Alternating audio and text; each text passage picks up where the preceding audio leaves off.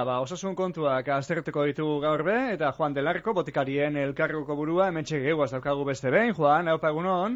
Eguno, Javi, hemen gauz, barriro.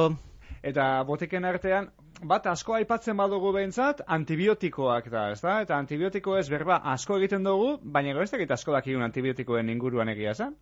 Hori da, ze, askotan antibiotikoak eta antimikrobianoak nastau egiten dugu, ezta? Eta desberdinak dira. Antimikrobianoak mikrobioen aurka erabiltzen diran sendagaiak dira. Mikrobio bai. guztien aurka. Bai bakterioak, bai virusak, bai onjoak, bai parasitoak, ezta? E, antibiotiko garrez, bakterioen aurka erabiltzen dire bakarrik. Eta ez dira eraginkorrak, ez virus, ez onjo, ez parasitoen aurka. Orduan, berezitasun, importantea. E, gero, antibiotikoak motabi e, dauz. Alde batetik, bakterizidak. Horek, mm -hmm. ze egiten dabe? Ba, insektizidak moduen, ba, zera, e, bakterioa hil, bai. zuzenean hil. Baina gero dauz beste batzuk bakteriostatikoak. Da honek, estatikoa, zer, zer esan nahi dau. Ba, e, zera, bakterioen ugalketa eragosten da. Orduan, ba, baten batek esan dezake, ba, niri eh, eman eh, bakterizidak, eh? Ze niri bakteriak hil. Baina beti ez da komeniko, antza, eh? Ez, eta gainera, eske bardin antzekoak dira. antzekoak dira. Ze bakterioen ugalketa eragostea, oso eraginkorra da ere bai infekzioekaz amaitzeko. Ah. Eta zergaitik, bakterioak daben infektatzeko gaitasuna erreproduzitzean oinarritzen da. Aha. Orduan, erreproduzioa moztu egiten badugu, ba, infekzioa amaitu egiten da. Eta Gainera, zeren arabera emoten da bata edo bestea orduan? Parkatu? Zeren arabera emoten da edo bata edo bestea? Bakterizide edo bakteri... Bakteriostatikoa. Bakteriostatikoa. Ba, depende sensibilidadea, mikrobioaren ah. sensibilidadea. Ia, mikrobiori sensiblea bada erabili dugun eh, erabiliko dugun antibiotikoarekiko. Mm. Hor hor dago e, gakoa, ezta?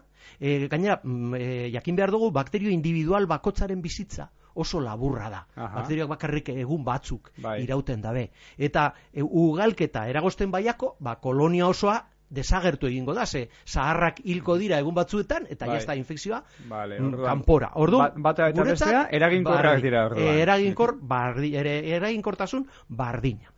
E, hasiko gara pur bat historioa, vale. ez anekdotakaz eta hori. Vale, Lehen antibiotikoak jatorri naturaleko sustantziak ziran, ez sintesi kimikoak, eh? Ba, baizik eta mikrobio batzuk sortutako sustantziak. Mm zera, aurkitu zan lehenengo antibiotikoa penisilina izan zen. Bai. Eta noiz aurkitu zan, ba, jo, orain dela iaia eun urte. E, joan dan mendearen hogei garren amarkadaren amaieran eta nok, ba, Alexander Flemingek e, guztiok e, dakigu hori, ezta? Alexander Fleming eskoziar mikrobiologo bat izan zan, esan izan klinikoa, baizik eta mikrobiologoa. Bai. Bera, e, ez zuen, e, zeban ikasten e, zera gaixotasunak, ez zeban tratatzen jendea, e, berak egiten zuena da mikrobioak ikasi. Eta aurkitu eban penicillium notatun onjoa e, bakterioen askuntza eragosten eban sustantzia bat sortzen ebala. Mm Eta ordun sustantzia hori isolatu eta penisilina izena ipini otzon. Bai. Eta ba, pentsatu, zu, pentsatu eban, ba, hau zetako balioko dau. Ba, bueno, ba, kultiboekaz, ba, zera, ba, bakterio batzuen e, askuntza kontrolatzeko, edo, bera, ba, mikrolobioaren, zera, e, ikuspuntutik, ba, esan konturatu hasieran, ba, zera, e, gaixotasunak tratatzeko bai. erabili alzala, baina gero ja konturatu ziren horretaz, eta berrogeiko amarkadaren hasieran infekzioak tratatzeko erabiltzen hasi ah. hm? Eta oso eraginkorra sala frogatu eban.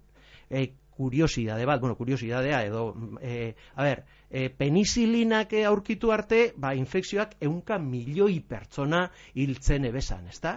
Eta besteak beste, zauri laurria, larriak ebesanak. Mm eta, e, e, eta non, non dagoz, e, zera, zauri asko gerratan?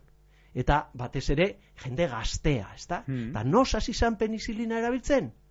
Ba, amarka da horretan zer gertatu zen, bigarren mundu gerratea. Mhm. Eta bigarren mundu gerratea da, gizateriaren historioan zauritu gehien eragin dauan gatazka. Habe Eta justu justu momentu horretan agertzen da medikamentu bat. Penicilina. Penicilina, ba hori, e, zera, zauri guzti hoiei e, ba, egin daikegu ebakuntzak, ze daukagu medikamentu bat infekzioen aurka. Ordun milioika bizitza salbatu ebasan penizilinak urte Bai, gitxitan. hm? Ordun- oso garrantzitsua, gara jarretan, da. bai. E, horregaitik garai hartako komunikabidetan eta gizartean ba, motik, ba, botika miragarria etiketa jauzi jarri eutzien Normala. eta justiziaz, ez da? Amarkada horretan, ba, mila, mila bedetzereun da e, berroita iruan hain zuzen, e, beste pertsona bat, Albert Sachs, e, zera, bigarren antibiotikoa aurkitu eban. Mhm. E, hau e, Amerikarra izan zen, ezta? Eta e, aurkitu zuena da estreptomizina, beste mikrobio batek sortutako estreptomizina. Eta beste bakterio batzuen e, artean tuberkulosia sortzen dauanaren aurrean aktiboa da. Aha. Ordun E, historio bitxi bat dago mm, e, bebai, ba, eritromizinaren Ia, inguruan. konta iguzu ia. Ba, Horri eh, guztoko dituguta. urte askotan zehar aurkikuntza horren meritoa Selman Waxmani eman jakon.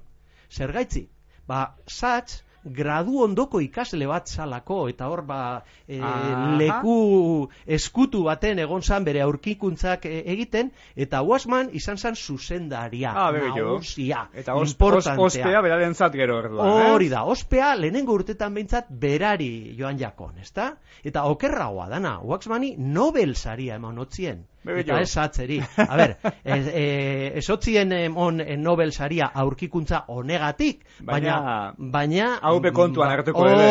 Hori Bai. da, hori da. hm? E, gero, mm, ba, amarkada horretan, e, bertan, aurkitu ziren basitrazina, kloranfenikol, klortetaziklina eta ze, e, cefalosporinak, ezta? Ba, e, antibiotikoen ia familia guztiek edo familia gehienak ja, e, berroi garren amarkadan ja, mm, aurkituta e, egozan. Baina batzuk hasi ziren erabiltzen geroago. Esate baterako cefalosporinak ba, e, beste hogei urte pasa behar ziren ba, e, erabiltzen hasteko, ezta?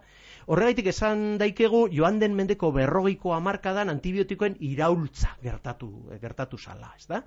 E, lehen antibiotiko horiek esan dugun moduan, ba, jatorri naturalekoak ziran. Hau da, mikroorganismoak sortuak. Mhm. E, arrezkero antibiotiko asko aurkitu dira, baina beste batzuk sintetizatu egin dira ere, bai? Eta, esan dugunez, ba, familiatan zailkatzen dira, egitura kimikoaren arabera. Zergaitik, e, kimikoki antzekoak diran sustantziak, ere antzekoak izaten dira propietatei dagokien, ez? Orduan, e, ba, hain zuzen ere, zera, egitura kimikoen ezagutzari esker, mm, zera, e, hogei garren mendean erdi aldetik aurrera, antibiotiko berriak sintetizatu ziren, Bai. ezta? E, ezagutzen ziren egitura batzuk, eta ba, egitura horiek hasi ziren kimikoki aldatzen, ba, e, produktua hobetzeko. Mhm. Adibidez, penizilinatik abiatuta, ahotik eman daiteken amoxicilina sintetizatu zen. Aha, bai. Ordun askoz ere mm, zera, errezagoa erabiltzeko, urratz garrantzitsua. Ze erabilera errasten daualako, ahotik edo zistada batetik, ba, diferentzia handia Al- dago, eta gero alergia arriskuak askoz ere txikiagoak dira ahotik hartzen bada. Ah, bai. Eta gero, ja, antibiotikoetara, mm, e, osea, mm, beste antibiotiko batzuk, e, zera, e, asmatu ziren, ezta? Eta azken urteetan, joan den mendeko azken urteetan, ja, sintesiseko antibiotikoak, linezolid eta horrelakoak. Baina, baina, zoritzarrez, handik aurrera oso antibiotiko gitxi aurkitu edo sintetizatu dira. Ah, bai. Eta gaur egun, eta gaur egun badaukagu mm, esan daikegu ba antibiotikoen defizita edo Eta segaitik hori? ba e, zera lehenengo momentuen ba infekzioak oso garrantzitsuak ziren Ordun oso importantea zan e, infekzioen aurkako medikamentuak Bai. topatzea, oso baita ere ekonomikoki rentablea eta sozialki errentablea, baina gaur egun gure arazorik larriena ez dira infekzioak, baizik eta minbizia eta beste gaixotasun batzuk. Beraz, ikerkuntza egiten da Beste- beste, beste arlo arlo baten eta ez infekzioaren Aha, arloan. ulertuta. baina zer egin behar dugu? Ba, mm, gizartea moduan egin behar duguna da ikerketa gehiago egin baita ere infekzioaren arloan. Aha. Bai txertoetan, egin dugun moduen COVID-arekin, kontuagaz. eta baita ere antibiotikoen arloan. Oso importantea da ikerketa egitea arlo horretan, ze bestela antibiotiko garik geratuko gara eta infekzioak ba, barriro ere izango dira gure problemarik nagusiena historian zehar esan dan moduan. Bueno, horretxeako garazo hori, eta horretxe beraz, e egin beharra epini dozu, eta hori, bai, ikertzaileen, zientzialarien, eta esku itxiko dugu, bai. Eta antibiotikoak ondo erabiltea, hori be importantea da, garrantzetsua da, infekzioei aurre egiteko, eta superbakterioei, eta bestelakoei aurre egiteko, be, gomendio batzuk emon zenduzan gainera gabonilean, okerrezpanago, baina barriro gogoratzea txakutsa hartatorriko, Juan. Bai, bai, nik uste amaitzeko importanteena Bai, da, ez? gomendio horiek egitea barriro, ez da, ze Zentzuzkoak, zentzuzkoak gure, dira. bai, ze gure eskuetan be, be dago, ez da, Bai. ez, ez da bakarrik, bueno, ba, ikertzaileen Bai. e, e, arazoa da, eta, ba, bueno, ba, ba gehiago iker des, e, desaten, ez da, ba, ba, ba, bai, ba, bai, baina gure esku dago ere soluzioa irten bidea. Gauzak ondo egitea. E, gauzak ondo egitea, eta lau aholku simpleak. Lau baino ez dira, ia, Lau baino ez dira. ba. Ez hartu inoiz antibiotikorik gure kontura. Hori da, beti, medikoaren ere Beti- da gero, erreseteagaz. Horixe. Mhm. Bigarrena, bete-beti agindutako tratamendua. Naiz eta mina kendu bada edo sintoma guztiak desagertu badira. Oitura handia daukagu, aurretik izteko antibiotikoak, ez da, baina proba sintoma desagertu ezkero, ez da egin behar, sekular. Eta hori ez da egin behar. Tratamendua amaitu egin behar da. Mhm. Hirugarrena, ez ahaztu dosirik hartzea. Ez eta agindutako dosiak baino txikiagoak hartu. Hmm. Agindutakoa egin. Hori da. Eta bat bezalto barik. Horixe. Eta ja, azkena, tratamendoa amaitzen danean, eroan botika farmaziara eta sartu sigreren edukiontzian. Farmazi guztietan dago, sigre edukiontzi bat da. Ba, horra bota, pilulak soberan geratzen badira, edo utzik badagoz ere. Eh, zera, medikamentuen, batez ere antibiotikoen enbaseak, beti, beti sigre puntura. Ah, Horrela, babestuko dugu natura, eta horrela, zeran, e, erresistentzien aurka, pausu garrantzitsua emongo dugu. vale. Eta pastillarik edo antibiotikoa sobratu baiaku be, horrepe bueltatu, zebeza tentazinua dago etxean eukiezkero, norberen kontura gero automedikazioa egiteko, ez? Hori alde batetik, automedikazioa, baina gero, ba, egunen baten ikusten dugu, ba, hau, ba, ba, dakitia, kadukata da, Bai. kadukatzear dago, eta ba, ba, zaborrera botakot. Ez, ez, ez.